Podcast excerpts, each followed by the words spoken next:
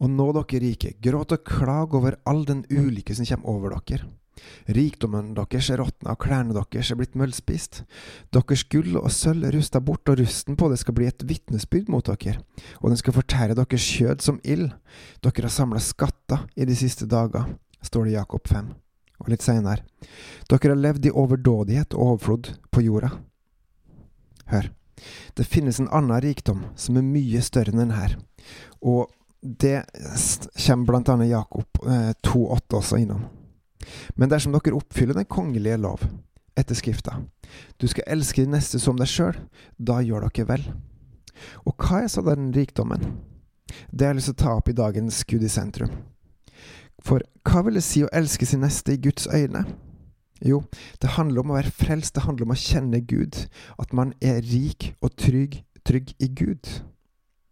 Og det her er det aller, aller viktigste og det beste man har. Dette her er den største rikdom man har, og det må man gi videre. Hvordan kan man gjøre det her gjennom bønn? Vi går til Johannes' åpenbaring 3. Og skriv til engelen for menigheten i Sardes.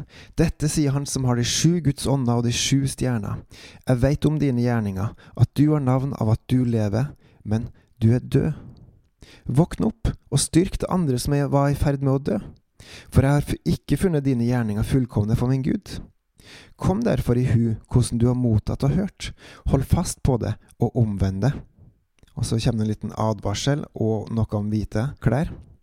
Og så, den som seirer skal på samme vis bli kledd i hvite klær. Jeg skal så visst ikke utslette hans navn av livets bok, og jeg vil kjennes ved hans navn for min far og for hans engler. Her er det mye å be om, til eksempel.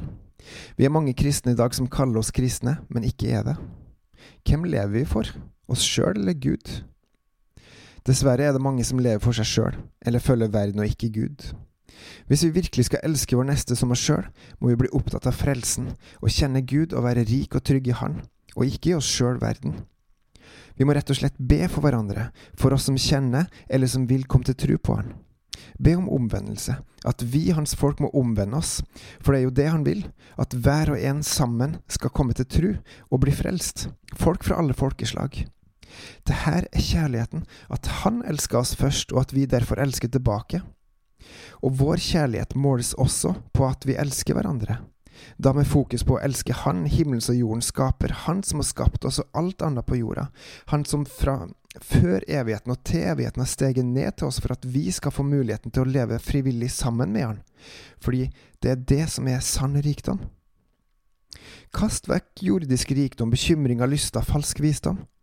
Følg Herren, og be om at alle andre i Norge må gjøre det samme. Må vi avsløre falsk lære, nikolaitens lære, og mate oss med Guds sanne visdom, Jesus Kristus vår frelser. Hans ord er evig og godt, bare Han skal vi følge, Vær med og be om at vi, hans folk i Norge, skal våkne opp, at vi skal omvende oss fra denne verden til å følge Han, den eneste sanne Gud. I Lukas 18 så står det Han sa en lignelse til dem om at de alltid skulle be og ikke bli trett. Det var en dommer i en by som ikke frykta Gud og ikke tok hensyn til noe menneske. Og det var en enke der i byen. Hun kom gang på gang til han og sa, Hjelp meg til å få min rett over min motstander. Lenge ville han ikke, men til sist sa han til seg sjøl, om jeg verken frykter Gud eller tar hensyn til noe menneske, så vil jeg likevel hjelpe denne enka til å få sin rett, fordi hun bryr meg sånn. Ellers kommer hun vel til slutt og slår, meg, slår til meg. Og Herren sa, Hør hva den urettferdige dommeren sier. Gud skynder seg til å hjelpe de som ber, så de får sin rett. Og Gud ønsker at alle mennesker skal bli frelst, så han skynder seg til å hjelpe til med å bygge Guds rike. Det er jo det her han elsker, oss, og han vil at vi skal komme til han. Ikke fordi han må, ikke fordi han er avhengig av det, men fordi han vil. Fordi han vil at vi skal være med på å bygge hans rike, fordi han vil bygge oss opp i hans kjærlighet. Og se til hverandre, elske hverandre. Hvem elsker mer enn han som gir sitt liv for sin neste? Å be for sine brødre trossøsken hver dag koster. Ikke mye, men det gir mye. Tenk hvor mye sterkere vi står om vi står sammen, skulder ved skulder, når forfølgelsen kommer til vår dør. Når vi må velge mellom å følge Han eller verden, eller når vår brors søster står i det samme.